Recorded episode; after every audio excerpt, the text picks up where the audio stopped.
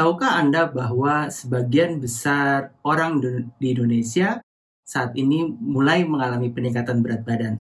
Salah satunya adalah karena faktor malas bergerak atau sulit bergerak, terutama dalam kondisi pandemi seperti sekarang. Peningkatan berat badan dan kejadian kegemukan sudah dilaporkan dari beberapa tahun yang lalu diperkirakan ada peningkatan dari prevalensi atau jumlah orang dengan kegemukan di Indonesia dengan jumlah yang cukup fantastis. Di tahun 2018 diperkirakan ada sepertiga orang di Indonesia mengalami kegemukan dan obesitas. Ada beberapa faktor yang menyebabkan kegemukan. Salah satunya adalah pola makan, gaya hidup, genetik, dan baru-baru diketahui adalah faktor kesehatan saluran cerna. Ya, masalah saluran cerna punya dampak terhadap kejadian obesitas dan bisa mempengaruhi resiko seseorang untuk mengalami kegemukan. Yuk cari tahu bagaimana mekanismenya, kesehatan saluran pencernaan, mikrobia yang dalam, ada dalam usus dapat berdampak pada kegemukan dan membuat kita sulit turun berat badan. Saat kita makan, makanan yang kita konsumsi dicerna di dalam saluran pencernaan seperti usus, lambung, mulut, hingga usus besar. Dalam proses pencernaan ini ada beberapa jenis bahan makanan yang tidak dapat dengan mudah diolah. Salah satunya adalah karbohidrat kompleks yang sulit dicerna oleh usus serta lambung, sehingga karbohidrat kompleks ini kemudian diolah oleh mikrobia yang ada di dalam saluran pencernaan.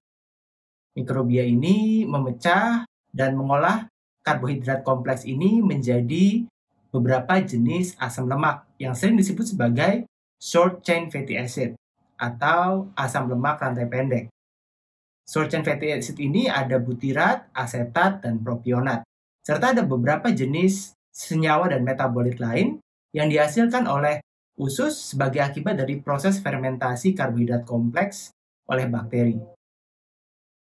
Ternyata kemampuan tubuh dalam menghasilkan SCFA ini bervariasi, tergantung beberapa komponen, seperti status gizi, pola makan, apakah kita suka mengkonsumsi makanan dengan karbohidrat kompleks atau tidak, waktu transit di usus, serta kualitas dari mikrobia usus yang baik. Jadi, ada manfaatnya sebenarnya kita memiliki mikrobia yang sehat di dalam usus. Ada beberapa jenis mikrobia yang ternyata punya manfaat yaitu menghasilkan HFA atau short chain fatty acid yang mana akan masuk dalam tubuh kita dan bermanfaat bagi kesehatan. Fungsinya apa saja sih HFA? Jadi setelah dialirkan ke dalam aliran darah, HFA seperti asetat, propionat atau butirat dapat menuju ke beberapa jaringan. Salah satu jaringan tersebut adalah jaringan adiposa, di mana di jaringan adiposa, HFA akan dapat membantu beberapa proses seperti meningkatkan proses termogenesis atau proses pembentukan panas dari lemak yang ada dalam jaringan lemak, meningkatkan proses pencoklatan. Jadi lemak itu ada yang putih, ada yang kecoklatan.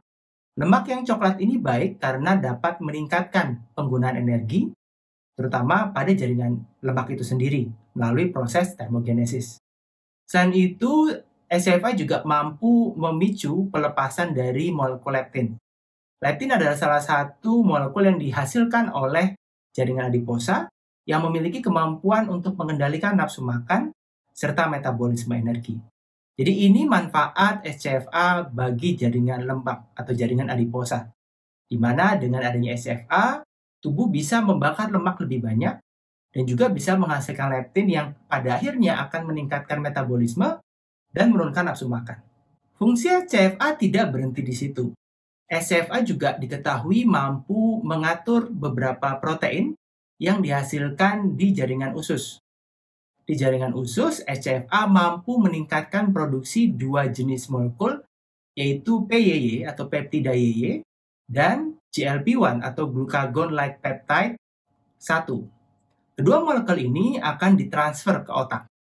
Di otak, kedua molekul ini akan punya beberapa fungsi, yaitu menekan nafsu makan, mengurangi keinginan untuk makan, serta meningkatkan metabolisme energi.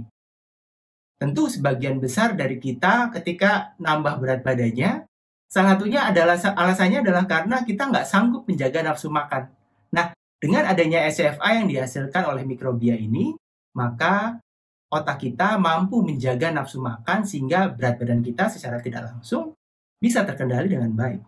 Lalu, gimana sih caranya meningkatkan mikrobiota usus sehingga kita dapat meningkatkan produksi SCFA? Ada beberapa cara.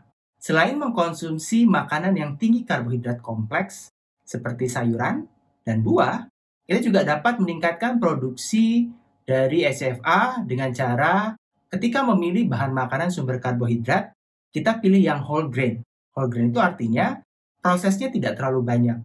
Kalau beras, sekarang sudah ada beras whole grain atau beras coklat, yang mana beras ini meskipun dengan varietas yang sama dengan beras putih biasa, tetapi tidak digiling terlalu berlebihan, sehingga masih ada bekas coklatnya. Atau kalau kita beli roti, kita bisa coba beli roti gandum atau roti yang whole grain. Selain itu, untuk memperbaiki mikrobia yang ada dalam usus, kita bisa mengkonsumsi makanan yang terfermentasi, yang mengalami peningkatan jumlah mikrobia.